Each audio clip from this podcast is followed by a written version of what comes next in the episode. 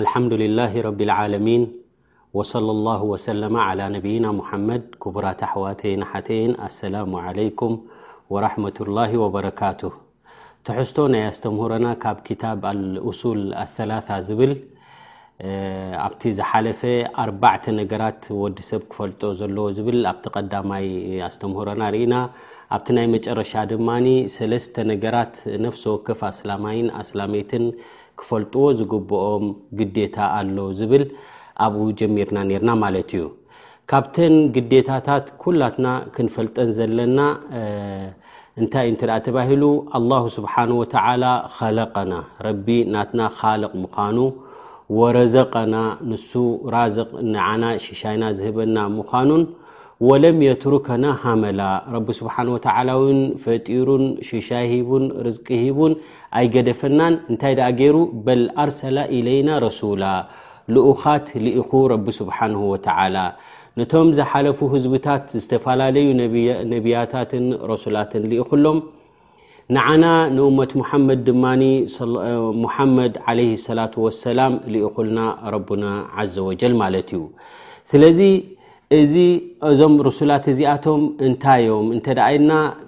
ካብኣቶም ሓደ ነብይና ሙሓመድ ለ ላ ለ ወሰለም ሙበሽር ወነዚር እዩ ኣበሳሪኡ ነቶም መንገዲ ረቢ ዝሓዙ ተውሒድ ድሓዙ ካብ ሽርክ ዝረሓቑ ጀና ከም ዘለዎም የበስሮም ኣብ ሽርክ ዝወደቑን ረቢ ስብሓን ወተላ ካልኣይ ኣለዎን ሳልሳይ ኣለዎን ዝበሉ ንካልእ ዕባዳ ዝፈፀሙ ድማ ሓዊ ጀሃንም ከም ዘሎ ድማ የጠንቅቑ ማለት እዮም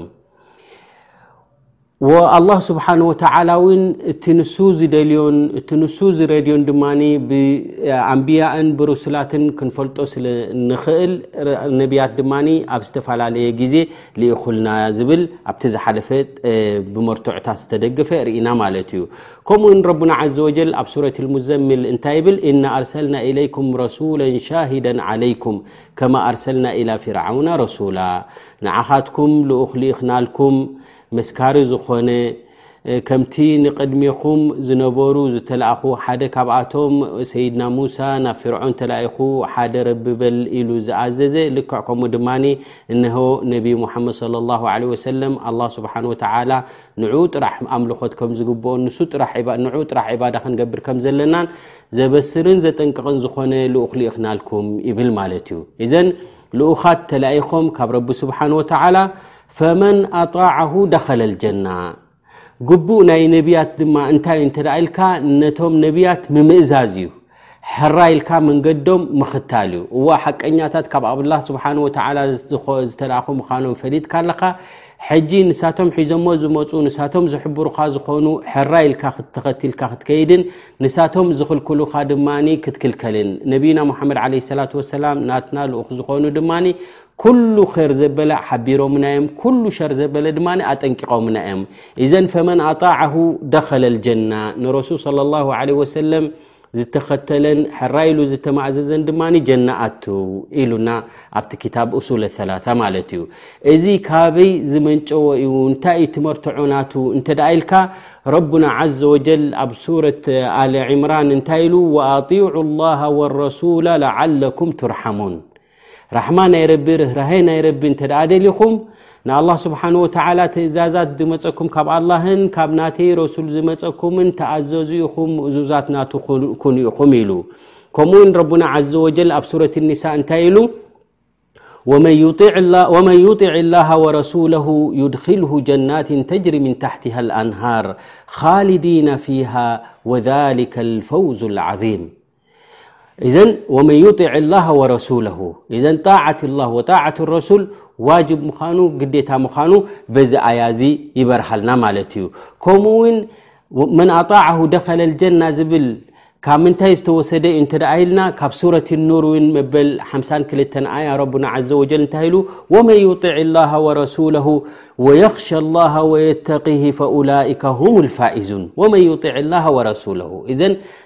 طاعة الله وطاعة الرسول واجب مانو قديت مانو يبرهلنا مالت كم ون الله سبحانه وتعالى ب سورة النساء نت ل ومن يطع الله والرسول فأولئك مع الذين أنعم الله عليهم من النبيين والصديقين والشهداء والصالحين ወሓሱና ኡላካ ረፊቃ እዘን ንረሱል صለ ላ ለ ወሰለም ምኽታል ትእዛዛት ናይ ረቢ ስብሓን ወተላ ዝመፀካ ሕራይ ኢልካ ተኸትልካ ምኻድ እዚ ኣበናይ ደረጃ የብፅሓካ እንተ ኢልካ ምስቶም ረቢ ስብሓን ወተላ ኒዕማናቱ ዝለገሰሎም ብሉፃትን ምሩፃትን ዝኾኑ ኣልኣንብያ ነብያትን ከምኡ ድማ ስዲቂን ከምኡ ድማ ሹሃዳ ከምኡ ድማ ሳልሒን ምስኣቶም ትፅምበር ማለት እዩ እተ ምእዙዝ ናይ ረሱል صለ ላه ለ ወሰለም ኮንካ እዚ ኣብ ሱረት ኒሳ መበል 69 ኣያ ይርከብ ማለት እዩ ከምኡ ውን ረቡና ዘ ወጀል ኣብ ሱረት ኣሕዛብ መበል 71 ኣያ እንታይ ኢሉ ወመን ይጢዕ ላሃ ወረሱለሁ ፈቐድ ፋዛ ፈውዘ ዓظማ ንረብን ንረሱሉ ዝተማእዘዘ ሰብ እዚ ዓብይ ዓብይ ዝኾነ ዓወት ተዓዊቱ ይብለና ማለት እዩ ወልኣያቱ ፊ ሊካ ከረቱን ንዚ ዝምልከት ጣዓት ረሱል ንረሱል ስ ለ ሰለም ምኽታል ጀና ከም ዘእትወካ መንገዲ ርሕሰት ምዃኑ ብዙሕ ኣያታት ኣሎ ማለት እዩ እንተ ካብ ሓዲ ናይ ረሱል صለ ላ ለ ወሰለም ን ክንርኢ እተ ኮይና ፊማ ረዋሁ ልቡኻሪ ኣነቢ ለ ላት ወሰላም እንታይ ኢሎም ኩሉ እመቲ የድክሉን ልጀና ኢላ መን ኣባ ኢሎም ኩሎም እማናተይ ናተይ ህዝቢ ክኣትው እዮም ንጀና ኣይደሊን የ ብለይ ጀና ይኣትውን የ ዝበለ ጥራሕ እዩ ዘይኣቱ በሪ ኩሉ ክኣትው ኢሎም ኣነቢ ለ ሰላ ወሰላም እዚ ምስ በሉ ሰሓባ ገሪሞም ያ ረሱሉ ላ ኢሎሞም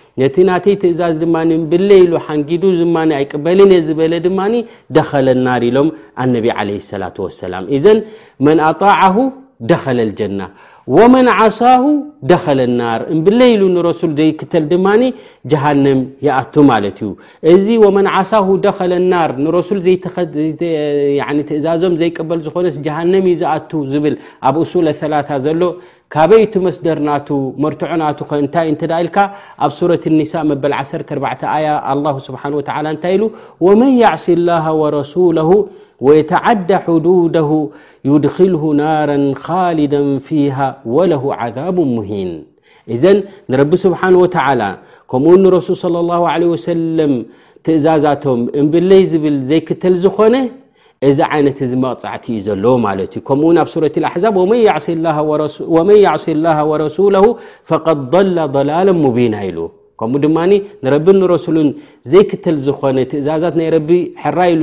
ዘይቅበል እተ ኮይኑ ትእዛዝ ናይ ረሱሉ ዘይቅበል እንተ ኮይኑ እዚ ፈቐድ ضላ ضላለን ሙቢና ግልፂ ዝኾነ ዘየጠራጥር ዝኾነ ጥፍኣት ይመሪፁ ዘሎ ማለት እዩ ምክንያቱ ክትክተሎ ዘለካ ሕራይ ኢልካ ተቐበሎ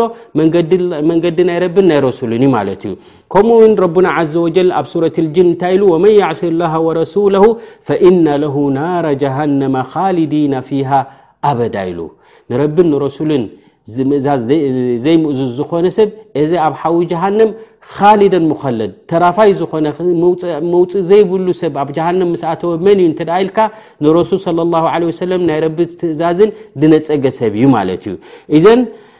እንተ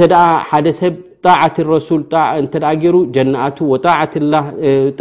ከምኡ ድማ ማዕስየት ረሱል እተ ገይሩ ድማ ኣብ ሓዊ ጀሃንም ይኣቱ ወ ነቢና ሙሓመድ ለ ላ ሰላም ከምታ ብ ቀድም ኣቢልና ዝረኣናያ ሓዲ ኣብ ርዋየት ቡኻሪ ትርከብ ማለት እዩ ወመን ዓሳኒ ደኸለናር ኢሎም ንዓይ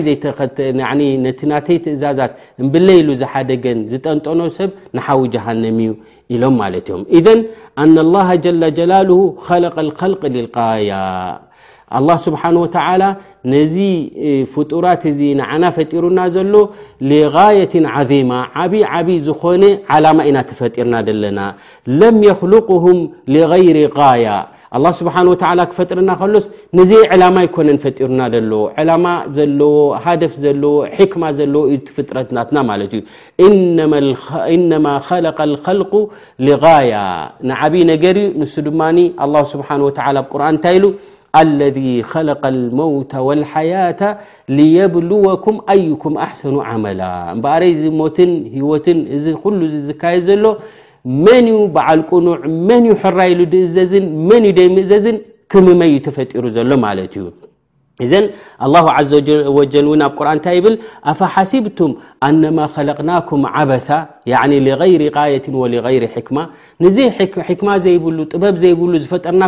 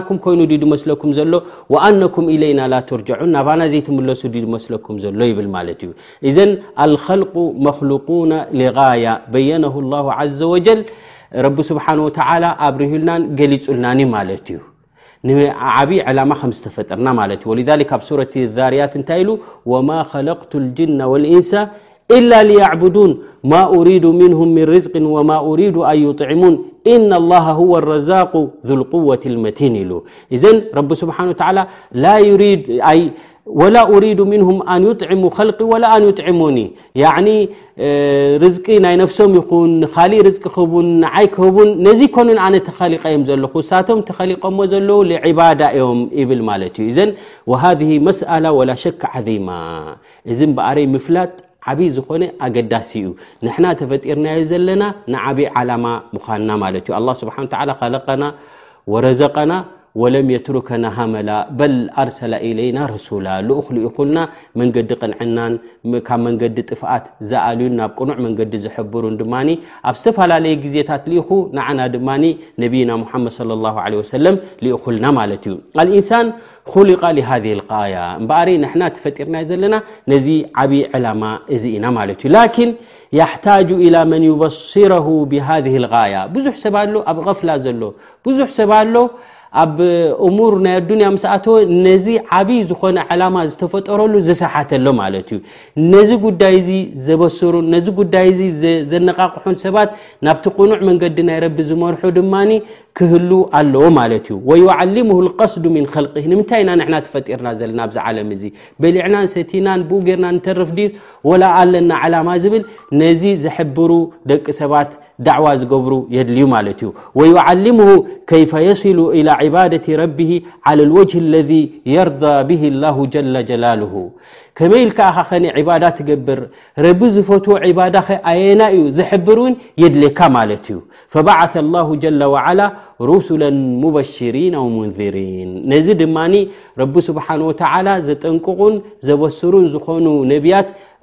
ልኢኹ ማለት እዩ የድሉነ ልክልቅ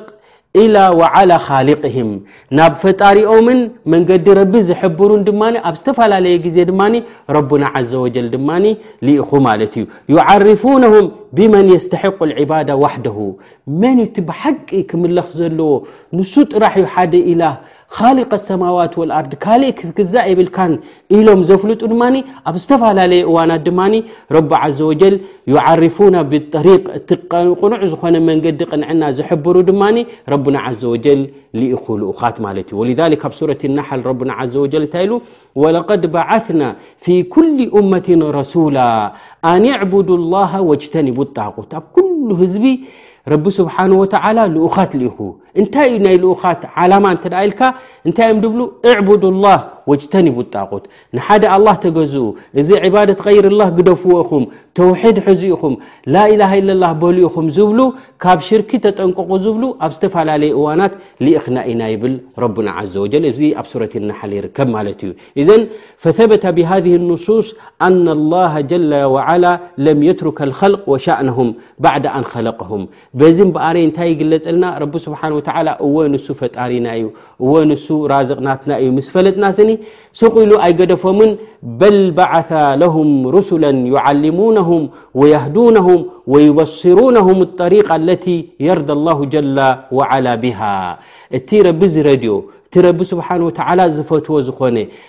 ናብኡ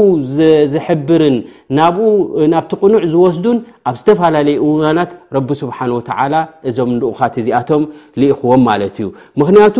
ብዙሕ መንገድታት እዩ ደሎ ናይ ጥፍኣት ናይ ጥፍኣት ብዙሕ እዩ እታ መንገዲ ቅንዕና ግን ሓንቲ እያ ማለት እዩ ነዛ ሓንቲ እዚኣ ናብኣ እተው እዚኣ እታ መንገዲ ዝብሉ ዝሕብሩ ብዙሓት ዝተፈላለዩ ነቢያት ረቢ ስብሓን ወተላ ርኢኹ እዛ መንገዲ እዚኣ ቅንዕቲ ሓንቲ እያ ማለት እዩ ረቡና ዘ ወጀል እውን ኣብ ሱረት ፋትሓ ደጋጊምና ንቐርኣ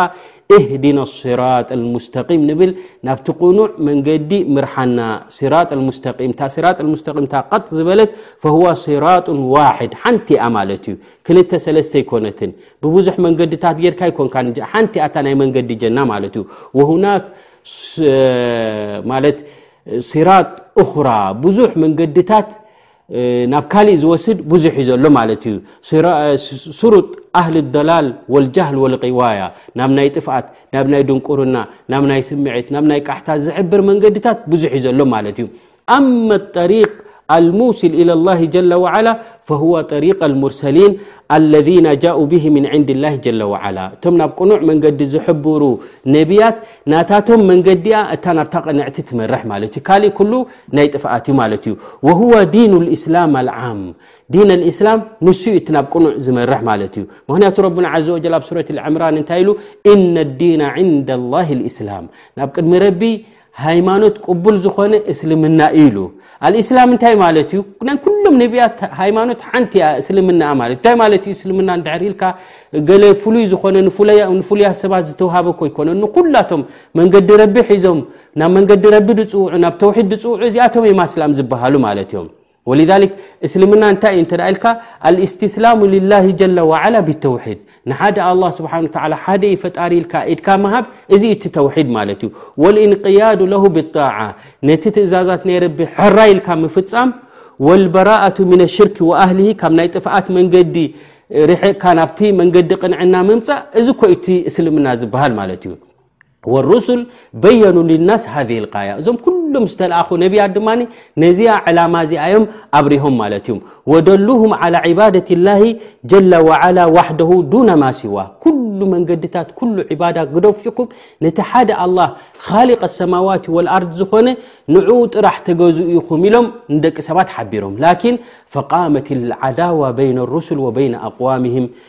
ፊ ሃذ ኣስል እምበኣር ነዚ ቅኑዕ መንገዲ ንዑ ምስ በሉ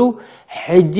ኣብ መንጎቶም ነቢያትን ኣብ መንጎቶም ህዝብን ዓብይ ፅልእን ዓብይ ናዕብን ተፈጢሩ ማለት እዩ እቶም ርሱላት ዝሓበርዎ ናብ ካሊእ ኣይኮነን ናብ ቅንዕና እዮም ሓቢሮም እንተኾነ ግን ሰባት እምብለይ ኢሎም ናብ ጥፍኣት መንገዲ ስለ ዝሓበሩ ሕጂ እንታይ ኮይኑ ማለት እዩ ተፃብኦታት በዚሑ ማለት እዩ መንገዲ ኣንቢያ መንገዲ ቅንዕና ዝምርሕ መንገዲ ርሱል መንገዲ እቶም ናይ ጥፍኣት ድማ ናብቲ ጥፍኣት ድጎቱን ሕጂ እንታይ ተላዒሉ ማለት እዩ ናዕቢ ተላዒሉ ማለት እዩ እዘን ነቢያት ድማ እንታይ እዩ ዘለዎ ማለት እዩ በቲ ረቢ ስብሓን ወተዓላ ዝሃቦም ኣያት ሙዕጅዛት እናርኣዩ ከምኡ ድማ እቲ ካብ ረቢ ስብሓን ወተዓላ ዝወረዶም ኣያት እናሓበሩን ናብ ቅኑዕ መንገዲ ምውሳድ ማለት እዩ እዘን ስቡል ኣልዋያ ናይ ጥፍኣት መንገዲ ብዙሕ እዩ ዘሎ እምበኣር ሓደ ሰብ ንፈጣሪኡ ዝፈት ንረቢ ስብሓን ተላ ዝፈት እተ ኮይኑ እታ መንገዲ ናይ ልኡኻት እዩ ክኽተል ዘለዎ ማለት እዩ ወልዛ ረና ዘ ወጀል እንታይ ኢሉ ቁል እንኩንቱም ትሕቡና ላህ ኢሉ ንስኻትኩም ፈተውቲ ኣላ ኢና ምሽ ትብሉ ኣለኹም እተ ትብሉ ኣለኹም ኮይንኩም ፈተቢዑኒ ናተይ መንገዲ ተኸተሉ ኢኹም በሎም ኢኻ ዩሕቢብኩም ላ ፍቶት ናይ ረቢ ሪዳ ናይ ረቢ ድማ ክትረኽቡ ኢሉ ሰቢል መሓበት ላህ ልልዓብድ ህያ ጣዓት ረሱል መሓባ ናይ ረቢ እተ ክትረክብ እተ ደሊኻ እንታይ ኣታ መንገዲ እተ ኢልካ መንገዲ ሩሱላት ምኽታሊ ማለት እዩ ወትባዕ ሩሱል መንገዲ ናይ ነቢያት ምኽታል ወኻተመ ልሙርሰሊን ነብይና ሙሓመድ ለ ላ ለ ወሰለም ናይ መደምደምታ ነቢያት ድማ መን እዩ እንተደኣ ኢልካ ድማ ሁወ ነቢ ዓለ ሰላት ወሰላም ኣለذ ብብዕثት ወብሪሳለት ኑስኸት ጀሚዕ ኣሪሳላት ወኑስኸት ጀሚዕ ኣልክቱብ ምን ቐብሊ ረሱል ዓለ ሰላት ወሰላም ምስ መፁ ድማ ኩሉ ነብይነት ኣብቅዕ ዩ ማለት እዩ ናይ መጨረሻ ነቢ ዮም ማሕተም ኣለዎም ነብና ማመድ ካተመ ነብይን እዮም ብድሕሪኦም ነቢ የለን እንታይ እዩ ደኣ ዘሎ ብድሕሪኦም እተ ኢልካ ቅያማ እዩ ዘሎ ምፀተ ኣለም ጥራሕ ዝፅበየና ማለት እዩ እዘን ናይ መጨረሻ ነቢ መፂኦም ንዕኦም ነቲ ቅኑዕ መንገዲ ዝሓበሩና ንዑ ኢና ክንክተል ዘለና ማለት እዩ እዘን ነቢያት እንታይ እዮም መንጎኛታት ኣብ መንጎ ረብን ኣብ መንጎ ደቂ ሰባትን ኮኖም እቲ ትእዛዛት ናይ ረቢ ዘመሓላልፉ እዮም ማለት እዮም ንስኻ ድማ ንዕኦም ክትፅውዕ ንኦም ክትልምን ዘይኮንካ ንኣላ ስብሓን ወተላ በቲ ዝሓበሩካ መንገዲ ድማ ትልምን ማለት እዩ እዘን ኣላሁ ዘ ወጀል ኸለቀና ንስኡ ኸሊቁና ንስኡ ረዚቁና